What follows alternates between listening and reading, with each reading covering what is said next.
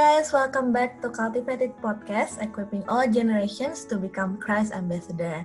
Nah guys, di podcast kali ini kita ditemenin sama salah satu pastor dari BIC Melbourne sendiri, yaitu Pastor Rudy. Nah, kita ada di segmen Deeply Rooted hari ini, dan kita bakal um, jawabin pertanyaan dari teman-teman juga. Nah, kalau teman-teman ada yang punya pertanyaan lagi, bisa langsung ke Instagram kita, cultivated.podcast. Di situ ada link di bio-nya, bisa langsung diklik dan bisa langsung di submit pertanyaannya, nanti kita bakal bantu jawab. Nah, pertanyaan kali ini buat Korudi, kita ada pertanyaan dari teman kita mengenai human love. Nah, pertanyaannya ini sebenarnya apakah um, cinta manusia itu ada batasannya? Um, buat aku elaborate aja ya kok uh, pertanyaannya. Jadi kalau di Ephesians um, 5 verse 25 kan ada dibilang kalau the bride of Jesus itu um, the church and um, kita ini bagian dari the church dan Tuhan Yesus itu rela mati buat kita. Tapi kalau misalnya soal antar sesama manusia, kalau bicara soal rela mati kayaknya agak sulit ya kayak kalau misalnya rela mati untuk keluarga kita atau untuk orang-orang yang kita sayangin, orang-orang terdekat kita mungkin masih positif tapi kalau buat orang-orang yang kita nggak kenal apalagi orang-orang yang kita nggak suka itu kan kayaknya nggak mungkin ya. Kayaknya nggak mau gitu. Orang rata-rata nggak akan mau. Tapi padahal Tuhan Yesus tuh pengennya kita mengasihi satu sama lain. Bukan cuma orang yang terdekat aja tapi satu sama lain tuh ya sesama manusia gitu. Nah jadi pertanyaannya ini apakah benar kalau cinta manusia itu memang ada batasannya? Jadi kita memang nggak bisa mencintai lebih dari um, keluarga kita gitu. Gimana um, menurut Kak Rudy? Oh, thank you Sinta ya. Eh, thank you guys untuk mengizinkan saya menjawab pertanyaan ini. Iya benar, sebenarnya uh, saya akan jelaskan mengenai kata cinta, love atau orang bilang juga kasih di dalam Alkitab ya. Uh, sebenarnya ada empat macam kata cinta di dalam Alkitab, yaitu diambil dari bahasa Greek. Yang pertama namanya eros, mungkin kita lebih kenal namanya sensual atau romantic love ya. Ada juga yang nomor dua namanya philia, yaitu kasih persaudaraan, biasanya yang menyatukan orang orang-orang percaya. Yang ketiga ada yang namanya storge, yaitu uh, family love, kasih terhadap keluarga. Dan yang keempat adalah agape, ya. Uh, apakah itu semua? Mari akan kita bahas satu-satu. Saya akan mulai uh, dengan eros, ya. Eros itu dari berasal dari mitologi Yunani, itu dewa percintaan, itu about hmm. nafsu birahi, physical attraction, physical love ya. Ada kalau di hmm. dalam orang-orang Roma mengambil counterpartnya sebagai Cupid ya. Kita tahu ya oh, ada Cupid gitu. Ya, itu itu itu eros sebenarnya. Kasih itu hmm. lebih diekspresikan untuk kepentingan dan kepuasan uh, sendiri yaitu hawa nafsu orang-orang gitu ya. Sebagai orang percaya ini kan biasanya ada juga apakah eros ada ada gitu loh di dalam perkawinan yaitu perkawinan hmm. yang kudus gitu ya. Tapi di di dalam hal yang lain juga bisa berarti negatif seperti dalam 1 Korintus 6 ayat 18, di dalam Galatia 5 ayat 19 ya, itu mengenai percabulan dan eh, segala macamnya itu itu yang negatifnya gitu lah. Itu about eros ya. Ada perbuatan daging itu eros ya. Yang kedua yang akan saya bahas adalah mengenai tadi kita masuk kepada saya akan rubah tadi saya bilang filia kita masuk dulu ke storge. Storge itu adalah family love ya. Itu hmm. ikatan yang dalam berkembang secara natural antara orang tua sama anak. Lalu hmm. juga antara suami, istri dengan saudara itu tipe kasih yang membuat bertahan dalam pencobaan. Yang tadi yang tadi dibilang kalau kita bisa berkorban mungkin buat berkeluarga kita, yaitu karena kita punya storge. Hmm. Bukannya eros gitu, beda. Yeah. Itu Tetapi punya storge gitu ya, bersifat yeah melindungi dan ada loyalitasnya juga. Hmm. Di dalam Alkitab juga ada opositnya dari storge itu namanya astorgos ya, seperti dalam Roma 1 hmm. ayat 3, 31, yaitu without natural affection dikatakan Rasul Paulus mengingatkan bahwa during the end of time orang akan lebih mementingkan dirinya sendiri dan mereka hidup tanpa sense of natural affection for their own family ya seperti dalam 2 Timotius 3 ayat 3. Mengenai hal ini juga apakah kayak storge itu seperti ingat cerita Yairus dengan anak perempuan yang sakit itu storge atau rasa grief dari Maria dan Marta ketika Lazarus meninggal. Tetapi juga ada di perjanjian lama mengenai storge ini dibahas lack of storge. Contohnya, Kain dan Habel juga. Itu dia hampir membunuh saudaranya Kain karena apa? Nggak ada storge-nya, lack of storge. Yeah. Nah, saudara Yusuf, Yusuf dijual sebagai budak karena lack of storge, ya. Hmm. Nah, itu mengenai storge. Kembali mengenai filia. Filia adalah kasih persaudaraan. Sebagai contoh, dengan saudara seiman kita, persahabatan yang dalam, ya, berasal dari kata Yunani yang namanya philos, yaitu berarti beloved, dear, ya. Dia pada umumnya kasih kepada teman kita, care, respect, compassion untuk people in need gitu ya. Konsep persaudaraan yang menyatukan orang percaya seperti dalam Yohanes 13 ayat 15. Juga dalam Roma Roma Roma 12 ayat 10 juga ada yang disebut juga dengan compound word using storge dan filio ini yang mana diperintahkan orang percaya to be devoted to one another with brotherly affection ya. Hendaklah kamu saling mengasihi sebagai saudara dan saling mendahului dalam memberi hormat. Yesus menangis ketika Lazarus meninggal dan ada orang yang mengatakan see how he love him. Orang atau orang-orang Yahudi mengatakan lihatlah betapa kasihnya kepadanya. Di dalam kata ini kasihnya itu adalah apa? Filia ya. Itu filia itu lebih mutual relationship ya uh, itu mengenai filia dan yang terakhir saya akan bahas adalah mengenai kasih yang lain, yaitu agape, kasih yang paling tinggi, kasih yang tidak terukur dari Tuhan. Perfect love, kita sering bilang unconditional sacrifice love ya, and pure love seperti dalam Yohanes 3 ayat 16. Karena begitu besar kasih Allah akan dunia ini sehingga ia telah mengaruniakan anaknya yang tunggal karena begitu besar agape Allah akan dunia itu ini sehingga ia telah mengaruniakan anaknya yang tunggal. Jadi ada sesuatu yang dalam dalam agape ini yaitu ada yang tadi dibilang bisa ada pengorbanan. Kok orang yang nggak kenal kita mau berkorban bukan karena kita punya kasih persaudaraan, tetapi punya agape. Hmm. Ada satu hal saya ingat di dalam itu ketika Yesus bertanya kepada Petrus, Petrus, apakah engkau mengasihi aku?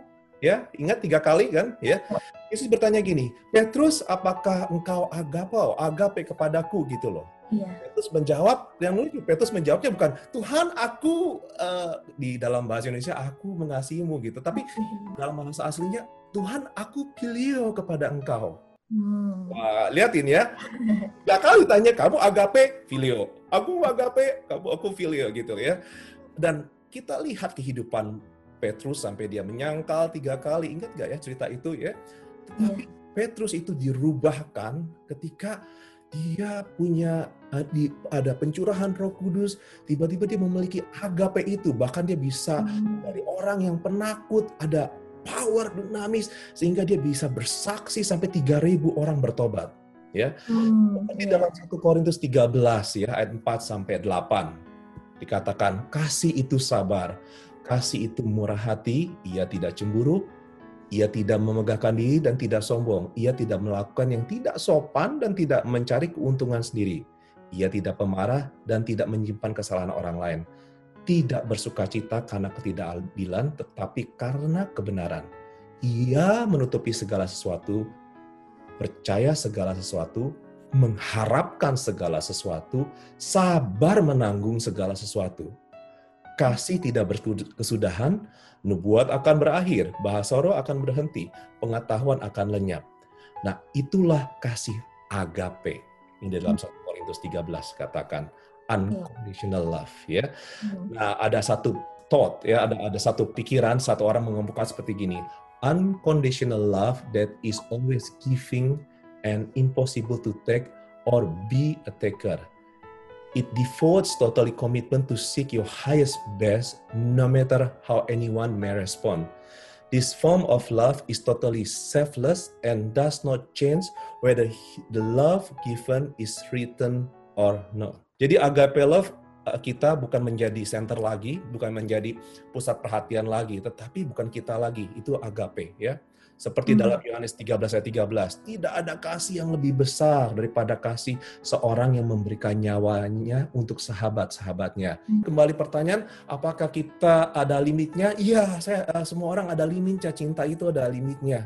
Tetapi bagaimana bisa saya berko uh, seperti dalam Efesus 5 ayat 25 dikatakan, "Hai suami, kasihilah istrimu sebagaimana Kristus telah mengasihi jemaat dan telah menyerahkan dirinya baginya." Kata kasih di sini adalah bukan kasih persaudaraan atau kasih ya. torgi atau filia, tetapi kasih di sini adalah agape. Hai suami, agapo istrimu sebagaimana Kristus telah agapo ke jemaatnya, hmm. Gitu loh. Jadi orang sering, oh cinta itu cuma satu karena pemikiran Hmm. kita cinta seperti eros seperti gitu. Sedangkan ada empat bahkan lebih sebenarnya ada lebih ya. Hmm, Tapi saya cuma iya. bahas empat.